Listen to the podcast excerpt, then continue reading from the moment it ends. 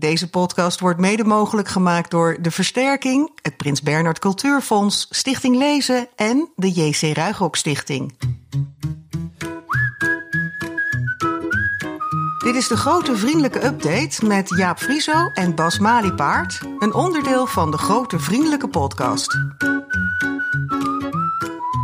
Nou, onze tweede nieuwsupdate alweer, Jaap. Ja, ja wat eh, is er weer veel te melden, hè? Nou, dat heeft ons ook wel een beetje verbaasd, hè? Dat je Nou. in zo'n korte tijd toch weer heel veel kinderboekennieuws eh, bij elkaar kunt sprokkelen. Het Dus is dat- leuk om er met die bril naar te kijken, hè? naar wat er in de reguliere media verschijnt. En dan eh, vind je soms op hele onverwachte plekken opeens een Ja, nieuwtje dat, Dat eh, zul bij je in ons ons past. journaaltje straks wel weer merken... dat er ook in het gewone nieuws toch verwijzingen naar kinderboeken eh, Ja, vind zijn. ik ook leuk, ja. Ja, ja. Hey, en er werd enthousiast gereageerd, toch? Nee, eh, daarom maken we ook aflevering 2. Op de eerste bedoel ik inderdaad. Ja. Ja, ja, ik denk dat we nog even lekker doorgaan en zoeken naar de vorm. En, eh, maar in de combinatie met de andere aflevering eh, voelt het tot nu toe wel als een aanvulling. Dus Ja, wat mij betreft ook. ja. Moeten we nog ergens op terugkomen? Nou ja, je had gelijk gekregen, hè? Voor, ja, de top 10 eh, van best verkochte boeken. Ja. Daar stond het alfabet van Charlotte Desmonton op 9. Negen. Je had voorspeld in de vorige update dat dat een van de best verkochte, of misschien wel het best verkochte Het is kinderboek eigenlijk het best verkochte kinderboek wel. Ja, ja, er is nog een ander boek waar ik even de titel niet van weet. De Volste Paard en nog wat Ja, of zo. Wat van- als kinderboek Ja, wordt precies. aangemerkt. Maar dat is het voor mijn gevoel helemaal niet. En als je al die zussen van Lucinda Riley eruit eh, gooit... Dan, dan staat Charlotte echt bijna in de, in, nou, staat ze gewoon in de top 5. Ja. Dus eh, hartstikke mooi. Ja. Ja. Nou, we gaan eh, eerst er even luisteren naar het eh, nieuwsoverzicht. Ja. En eh, daarna praten we met illustrator Gerda den Doven. Ah. En met vriendin van de show, Leonie Biegel. Die is er weer. Ja, nou, Bert Kranenbarg, kom er maar in. Het grote vriendelijke kinderboekennieuws van februari 2021. De 22-jarige dichteres Amanda Gorman maakt veel indruk met haar voordracht tijdens de inauguratieceremonie van de nieuwe Amerikaanse president Joe Biden. Step out of the shade of flame and unafraid. The new dawn blooms as we free it. For there is always light if only we're brave enough to see it, if only we're brave enough to be it. Er ontstaat meteen een run op de boeken van Gorman, terwijl die nog niet eens verschenen zijn. Zowel haar dichtbundel als prentenboek komen pas in september uit. In Nederland wint uitgeverij Van Goor de strijd om de rechten van haar kinderboek Change Sings a Children's Anthem, met illustraties van Lauren Long. Voormalig First Lady Michelle Obama gaat haar biografie Becoming herschrijven voor tieners. Ze voegt er een speciale boodschap voor kinderen en enkele foto's aan toe. De tienerversie verschijnt begin volgende maand in Amerika. De Nederlandse vertaling verschijnt in mei bij uitgeverij Hollands Diep. In aanloop naar de Tweede Kamerverkiezingen in maart verschijnen meerdere kinderboeken over politiek. In Piraten, Dieren, Bejaarden, Wat stem jij? maakt voormalig SP-Kamerlid Sharon Gesthuizen voor jongere kinderen inzichtelijk hoe politiek, democratie en verkiezingen werken. Voor jongeren die voor het eerst mogen stemmen is er Waarom je niet zomaar moet stemmen waar je ouders op stemmen van Titia Hogendoorn. De gemeentes Aalten en Winterswijk geven een exemplaar van dat boek cadeau aan alle jongeren die in maart voor het eerst naar de stembus mogen. En in het kinderboek Mama is minister-president van Odie Nijsing en Marieke Visser wordt gespeeld met de stereotype rolpatronen voor meisjes en jongens. Het eerste exemplaar van het boek is in ontvangst genomen door de vrouwelijke lijsttrekkers Sigrid Kaag, Lilianne Ploemen, Lilian Marijnissen en Esther Ouwehand. Bij de protesten tegen de staatsgreep in Myanmar zijn ze veelvuldig te zien: drie opgestoken vingers. Dit symbool voor solidariteit komt uit de verfilmde jeugdboekenreeks De Hongerspelen van Suzanne Collins. Daarin komt de bevolking in opstand tegen een totalitaire staat. Pas onlangs is bekend geworden dat de Japanse illustrator Mitsumasa Anno al in december op 94-jarige leeftijd is overleden. In ons land won hij in 1981 het allereerste zilveren penseel dat ooit werd uitgereikt, voor zijn boek En toch draait ze. Andere bekende titels van zijn hand zijn Het telboek van Anno en De bloem van de koning. In 1984 won Anno de Hans Christian Andersen Award voor zijn oeuvre. De klei-animatieserie over Vos en Haas, naar de boeken van Sylvia van den Heden en Tae King, heeft een Enzor gewonnen, de belangrijkste Vlaamse filmprijs. In een interview met de Standaard zegt regisseur Tom van Gestel dat aan elke zes seconden van de serie een hele dag is gewerkt. De serie wordt in Nederland uitgezonden op Zeppelin, in Vlaanderen bij Catnet Junior. In China is ophef ontstaan rond een tentoonstelling waar Nijntje met een snavel is afgebeeld. Uitgeverij Mercis, die het werk van Dick Bruna beheert, heeft aan de bel getrokken bij de Chinese kunstenaar Feng Feng. Auteursrechtadvocaat Frank Melis vertelt op NPO Radio 1 dat het hier duidelijk om plagiaat gaat. Een konijn met de snavel is niet per se iets wat een rechter grappig vindt, zeker niet voor kinderen. En ik zie de grap of de diepere betekenis van een konijn met de snavel ook niet echt in. Dus uh, ik zou zeggen, zoals Dick Brunner zou zeggen, nijntjes van de kinderen, daar moet je vanaf blijven. En dan vermeldenswaardige mijlpalen voor populaire kinderboekenseries. Dagboek van een muts van Rachel Renee Russell viert haar tiende verjaardag in het Nederlands taalgebied met een jubileumuitgave van het eerste deel. Later dit jaar verschijnt het vijftiende boek in de reeks. In de Grijze Jager-serie van John Flanagan verschijnt volgende maand ook alweer het vijftiende deel met als titel De Vermiste Prins. In Nederland en België zijn er inmiddels anderhalf miljoen exemplaren van de reeks verkocht. Dolfje Weerwolfje van Paul van Loon viert zijn 25e verjaardag tijdens de Dolfje Weerwolfje Week, die 27 februari begint. En het tiende deel van de Waanzinnige Boomhut is net verschenen. De Australische schrijver Andy Griffiths, die de boeken samen met Terry Denton maakt, kondigt het op Facebook zelf aan. And I've got great news for you. Our latest book, the 130 Boomhut, or should I say, Die Wahnsinnige Boomhut van 130 Wordepingen, is now out in Dutch and it's ready for you to all climb on board. And we are going on an incredible intergalactic adventure. De Waanzinnige Boomhut is al drie keer bekroond met de prijs van de Nederlandse kinderjury. Vanaf half april is er in Fort Napoleon in Oostende voor de tweede keer een doe-expositie rond het boek. Dit boek dus. Die waanzinnige boomhut van 130 Wordepingen. De Vlaamse Jeugdboekenmaand vindt in maart voor de vijftigste keer plaats. Het thema is dit jaar Lezen is een feest. En het affiche is gemaakt door Leo Timmers. De maand begon in 1972 als Jeugdboekenweek. Sinds 2017 is de viering van het kinderboek opgerekt naar een Jeugdboekenmaand. We blijven in Vlaanderen. De veelgelezen jeugdboekenauteur Dirk Brakke moet vanwege gezondheidsproblemen stoppen met schrijven. Hij publiceerde in een periode van 28 jaar meer dan 40 titels. Zijn boeken Black en Back over jeugdbendes in Brussel werden met groot succes verfilmd door regisseursduo Adil en Bilal. In 2022 beginnen zij met de opnames voor de verfilming van Brakkes boek Straks doet het geen pijn meer. Tot slot nieuws uit de grote vriendelijke podcast zelf. In het gesprek met Jan Terlouw gebeurde dit. Is het uh, schrijven van kinderboeken afgelopen voor u? Of, of zit er nog ergens een, een kinderboek in uw pen? Ik zou me verbazen. Deze opmerking van Terlouw werd opgepikt door veel media. De Vlaamse radiozender VRT checkte het zelf nog even bij de schrijver. Jan Terlouw, goedenavond. Goedenavond. U heeft verteld in een podcast ja, dat het klaar is, dat u geen jeugdboek meer gaat schrijven. En meteen bent u nieuws op alle sites. Ja, ik vind het wonderbaarlijk. Want ik heb het wel eens eerder gezegd dat ik langzamerhand een probleem vind om voor de jeugd te schrijven, omdat ik ze zo slecht meer ken. Tja, die Jan Terlouw, hè? Hadden we zomaar nieuws te pakken. Ja, absoluut. Het persbureau ANP die pikte dat, dit berichtje dus op uit onze uitzending. En toen stond het opeens op alle nieuwswebsites. Ja, en hij ging het zelf een beetje downplayen eigenlijk. Want ja. hij had het wel eerder gezegd. Ja, ja maar wij niks aan doen. Nu is het gewoon definitief. Want nu staat het overal. Precies, nou ja, goed. Straks dan uh, spreken we met Leonie Biegel over deze Terlouw-aflevering. Want zij appte ons, omdat uh, Jan Terlouw iets over haar vader Paul Biegel heeft gezegd in de aflevering. Daar praten we straks uh, met haar over. Ja. Maar eerst nemen we nog even wat nieuws uit het overzicht door, Jaap. En te beginnen met Amanda Gorman. Ja, had nog nooit iemand van gehoord. En nee. ze stond daar...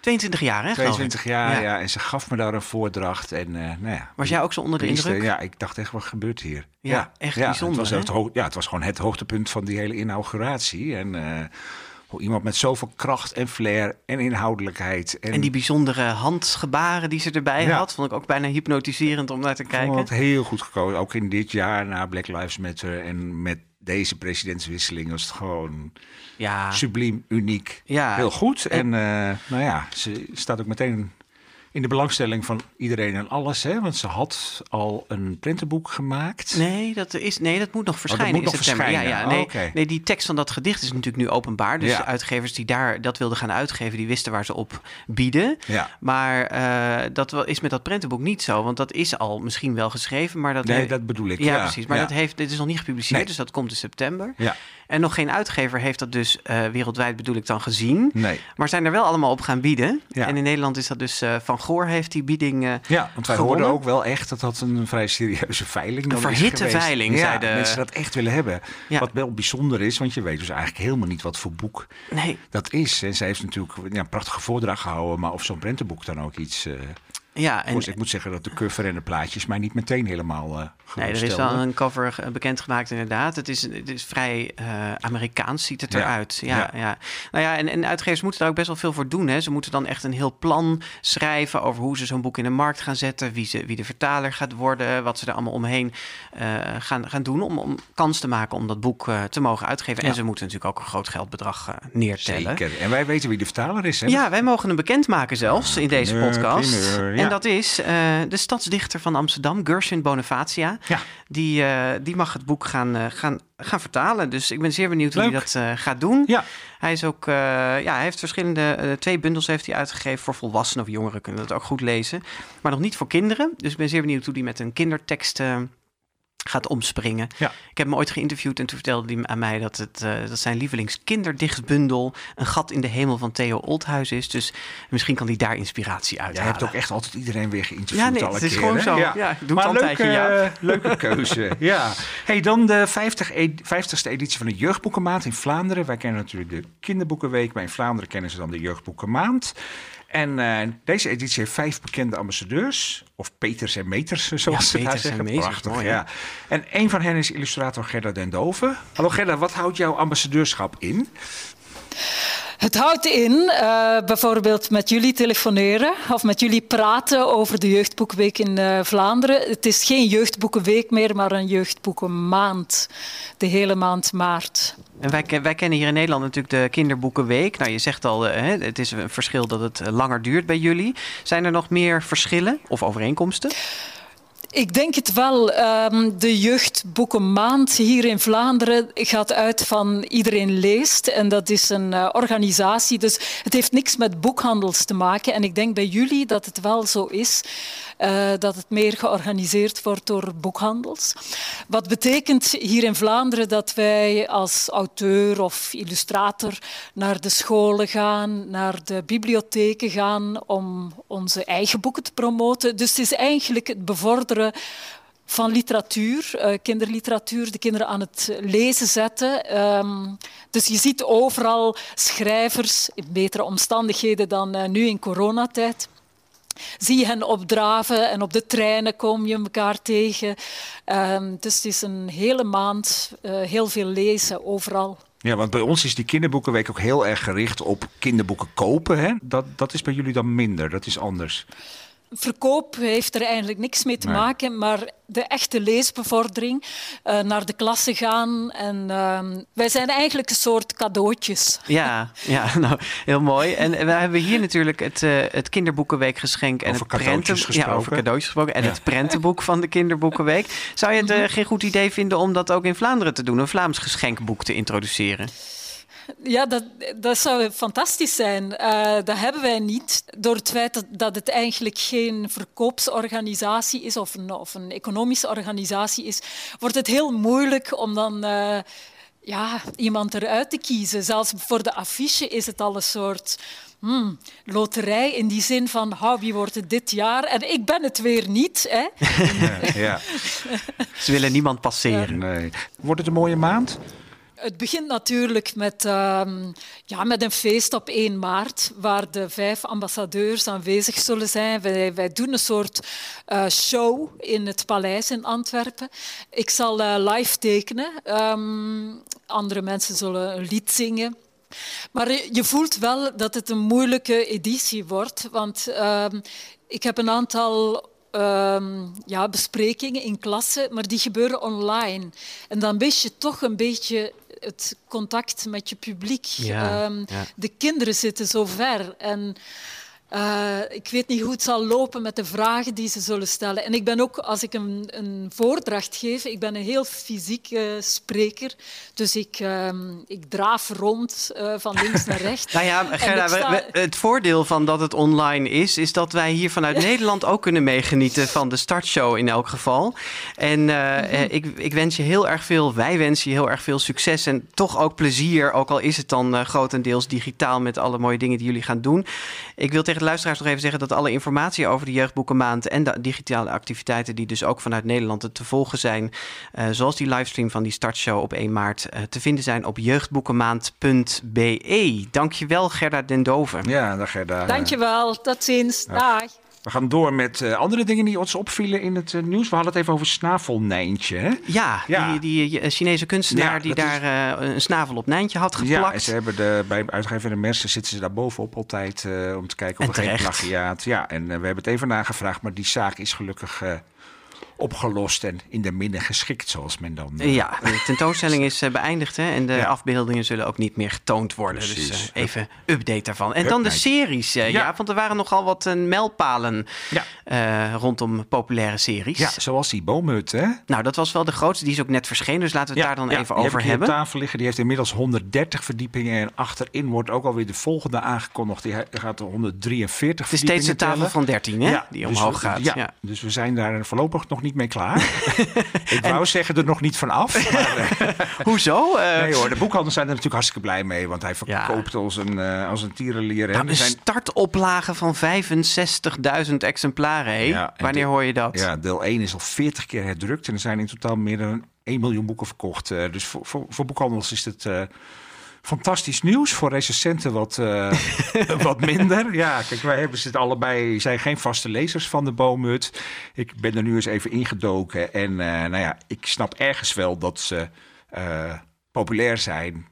Maar vooral denk ik bij als je ook heel erg van strips houdt. Ja, het hangt erg tegen de strip aan. Echt, ja, het viel mij eerlijk gezegd een beetje tegen hoeveel tekst erin staat. Of hoe weinig tekst er uiteindelijk in staat.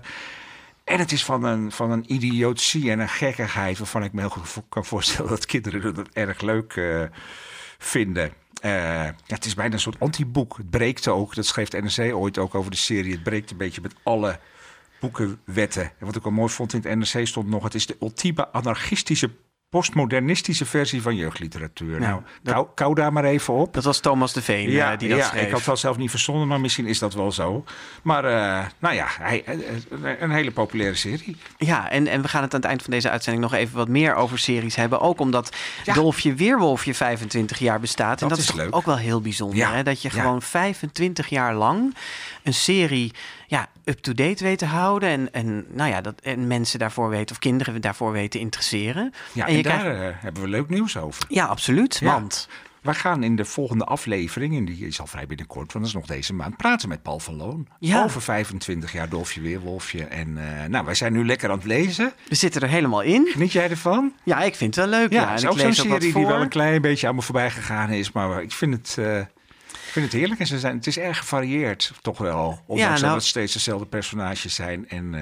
wat, ik, wat ik echt wel heel knap vind, is dat je inderdaad dus zo'n serie 25 jaar lang uh, weet te onderhouden. En ik zat me te bedenken, hij zit dan nu echt op zo'n cruciaal punt. Omdat nu de kinderen die vroeger met Dolfje Weerwolfje zijn begonnen, 25 jaar geleden, dat zijn de ouders van nu, zeg maar. Hè? Ja. Die, uh, die zijn toen acht jaar, waren ze of zo, toen ze begonnen met lezen. En die gaan dat nu voor hun kinderen kopen. En dan zit je volgens mij geramd als auteur. Want dan ja. is het echt zo'n boek dat je van generatie op generatie gaat... Wat helemaal meegaat. Gaat ja. overdragen. Nou ja, van welke generatie je ook bent. Als je vragen hebt aan Paul van Loon of je wilt iets over hem kwijt, uh, mail ons uh, vooral. Ja. ja. dat is dus onze volgende gast. Paul maar, van Loon. Ja, Paul ja. van Loon. Maar onze vorige gast, dat was Jan Terlouw. Ja. En laten we nog even luisteren naar een anekdote die hij vertelde over de reactie van de uitgeverij aan wie hij het manuscript van Koning van Katoren aanvankelijk toestuurde. We lazen dat, het, dat de eerste uitgever aan wie u het opstuurde het boek de politiek vond. Klopt dat? Ja, die zei dat kan helemaal niet. Zeg, kom nou, die, die minister zo zwart-wit. Dat kan toch helemaal niet? Nee. en, en Paul Biegel was daar ook nog ergens bij betrokken? Paul Biegel was adviseur bij Van Holkema en Warendorf. En Paul Biegel die las het het eerst en die, en die belde en die zei... nou, dit, dit kan echt niet. Zeg, dat is toch geen jeugdboek? en dat is zo politiek. En dan, en dan die ministers zo karikaturaal en zo zwart-wit. Dat kan helemaal niet. Wat vond u daarvan? Ik zei tegen mijn vrouw, zie je nou wel... ik kan, ben toch helemaal geen schrijver, ik ben natuurkundige. Dus laat mij maar weer rustig Oh ja, u ging daar een beetje in mee. Ik, ik dacht, hij heeft natuurlijk gelijk, de grote Paul Biegel. ja. Hij heeft natuurlijk groot gelijk. Maar mijn vrouw die zei, onzin. Paul Biegel is een geweldige schrijver, maar nu zit hij er toch echt naast. het is het beste wat je geschreven hebt. Leonie Biegel, de dochter van Paul Biegel. Hallo, jij hoorde dit. En wat dacht jij toen? Uh, nou, ik was heel erg verbaasd. Um, want uh, mijn vader heeft dit boek wel vier of vijf keer aan mij en mijn broertje voorgelezen. en we vonden het dus echt fantastisch. En um, dus ja, nee, ik ben hier heel erg verbaasd over. Dus ik vraag me af het... wat mijn vader bezield heeft om dit boek af te wijzen. Dus hij vond het bij nader inzien toch een goed boek? Uh, ja, ik denk het. Ja, nee, zeker. Want hij heeft dat zo vol vuur voorgelezen. En we hebben ontzettend hard gelachen. Ik heb het boek dit weekend nog weer even gelezen. En ik herinner me er eens een zin. Um, uh, dan schrijft uh, Jan Terlouw: De oudste minister heet De Seer. Hij is 60 jaar of daaromtrent. Diepe plooien geven zijn gezicht een zorgelijk aanzien. Hij lacht nooit. Op zijn glimmende schedel groeien nog 15 haren. Iedere morgen vlijt minister De Seer ze met een penseeltje op hun plaats. Nou, daar hebben we zo ontzettend hard om gelachen. Ja, prachtig. Ja, maar dat jouw vader... Ja, en, en, dat jouw vader het dan te politiek zou vinden, dat, kan je daar iets in herkennen? Want hij was natuurlijk niet echt van de geëngageerde politieke boeken. Nee, mijn vader was totaal apolitiek. Maar ik, ik begrijp niet zo goed, want, want die, die, die, die ministers zijn natuurlijk karikaturaal, maar zo geestig. En, en ik ik, mijn vader vond die humor, althans ook de manier waarop je het voorlas, vond hij, die, vond hij juist de manier waarop die ministers werden neergezet heel erg leuk en geestig. Dus weet je, misschien heeft hij zich achteraf voor zijn kop geslagen en gedacht: in welke vlaag van verstandsverbijstering heb ik dit gedaan? ja, nou ja, wie weet. Voortschrijdend inzicht. Als ik. Uh, al precies als ik hem straks in, de, in het heelal tegenkom, dan ga ik dat natuurlijk nog eens even vragen. Ja, ja, Papa, dat had je ja. Ja, ja. ja. Hey, maar in het gesprek met Terlouw uh, vertelden wij dat uh, uh, hij, dus Jan Terlouw en jouw vader in 1972 allebei de Gouden Griffel wonnen voor Koning, wonnen voor Koning van Katoren en de Kleine Kapitein. En Terlouw die zegt dan dat dat niet, niet zo was, maar ja, wij hadden onze research wel op orde, want dit klopt wel, toch? Uh, ja, ik denk dat jullie gelijk hebben. Want ik weet nog dat de uitreiking uh, was. En we zaten op de eerste rij. Mijn vader zat naast Jan Terlouw. En tegelijkertijd werden die griffels uh, uitgereikt. Nou goed, ik was dat mijn vader als eerste aan de beurt was. Dus die kreeg dat ding en ging weer zitten. En nou, ik, de, degene die het uitreikte was nogal lang van stof. Dus ik zat me een beetje te vervelen. Ik was acht of zo. En ik zei tegen mijn dus ik ziste tegen mijn vader: Papa, mag ik even die gouden griffel vasthouden? Dus mijn vader gaf dat ding aan mij. En toen zag ik, hè? Want er stond Jan Terlouw, koning van Katoren. dus, dus ik stoot mijn vader aan. Ik zeg, dit is niet een goeie. En ik dacht, misschien is dat wel heel erg of zo. Ja, had de verkeerde maar, gekregen. nou ja, goed, later, la, ja, maar goed, later is dat natuurlijk goed gekomen. Ja. ja. Leonie, nog even heel iets anders. Hè? We hebben vorig jaar een mooie aflevering met jou gemaakt over het werk van je vader. Naar die mooie heruitgaven die nu bij Godmer zijn verschenen. En afgelopen week verschenen er weer drie van die boeken in een nieuw jasje. Waaronder de Rover Hoepsika met een paar illustraties van Carl Hollander in kleur. En in de vorige editie, weten we nog, waren die illustraties in zwart-wit. Hoe, uh, hoe kan dat? Uh, ja, nou, het is zo dat um, de uh, originele tekeningen zijn wel degelijk in kleur. Want het was eerst een vervolgserie in de Donald Duck. Uh, en toen uitgever Lem de Hoepsika opnieuw ging uitbrengen, wilden ze dat graag in kleur doen. Maar de tekeningen zijn zoek. Zoek? Uh, nergens te Nou ja, we kunnen ze gewoon niet vinden. De Erve Karl Hollander heeft ze niet. Het Letterkundig Museum heeft ze niet. Uh, we hebben geen idee waar ze zijn. Dus toen zijn die tekeningen in zwart-wit verschenen. Maar nu heeft uitgever Godman toch besloten om een aantal tekeningen opnieuw te laten inkleuren. Heel erg mooi gedaan door Sander Schaper. Uh, maar ja, um, ja, ze zien er prachtig uh, uit. Naar maar... aanleiding, ja, ja, het is prachtig ja. naar aanleiding dus van die, van die Donald Duck uh, illustraties. Oh, die hebben ze als voorbeeld Maar we hebben geen ja. idee. Ja, ja, ja, die heeft ze als voorbeeld maar genomen. Ze zouden zomaar ergens kunnen zijn dus. Nou, nog ergens op een zolder of zo bij iemand. Dus eigenlijk is dit een oproep, ik, ik Leonie. We moeten een oproep doen aan onze luisteraars. Wie weet waar de originele tekeningen van de Rover Hoepsika nou, zijn?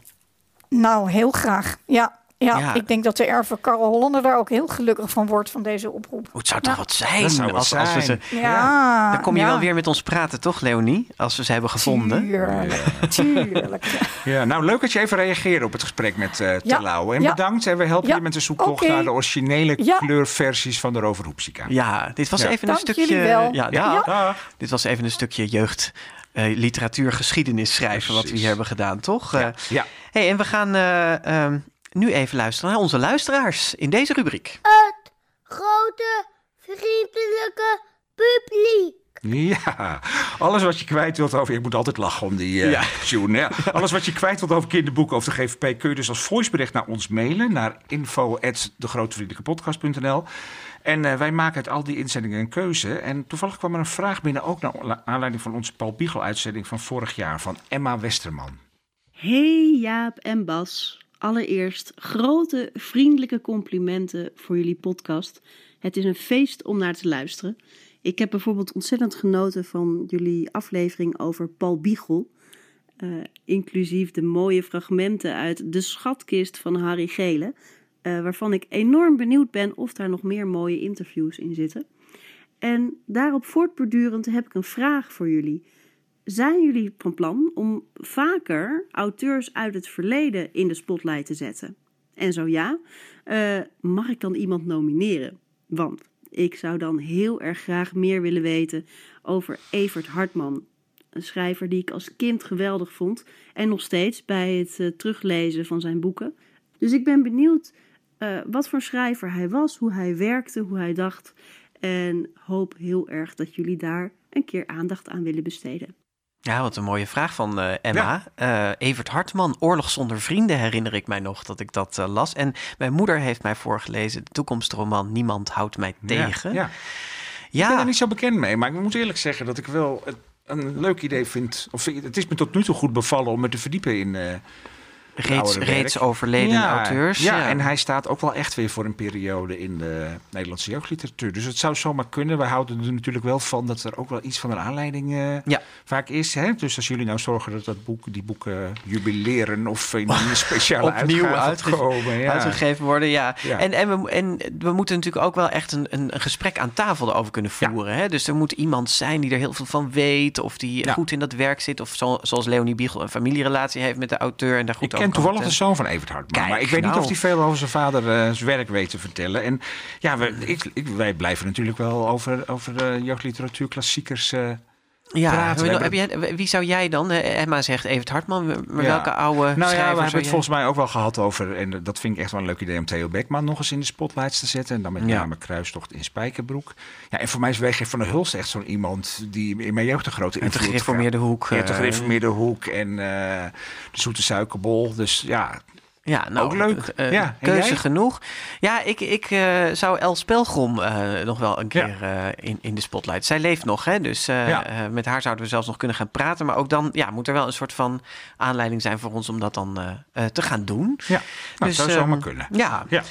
Hey, en eh, we hadden ehm, eh, het in deze aflevering al eventjes over de populaire series. En daarom hebben we onze luisteraars via sociale media gevraagd om hun ervaringen met serielezen in te sturen. En daar kwamen weer leuke reacties op. Bijvoorbeeld deze. Mijn allerfijnste boekenserie was toch wel De Kinderen van Moeder Aarde van Thea Beckman. De kleine activist in mij werd enorm aangesproken door de andere manier van hoe ze hun maatschappij regelden, zowel qua straffen als qua verdelen van eten en huizen en dat soort dingen.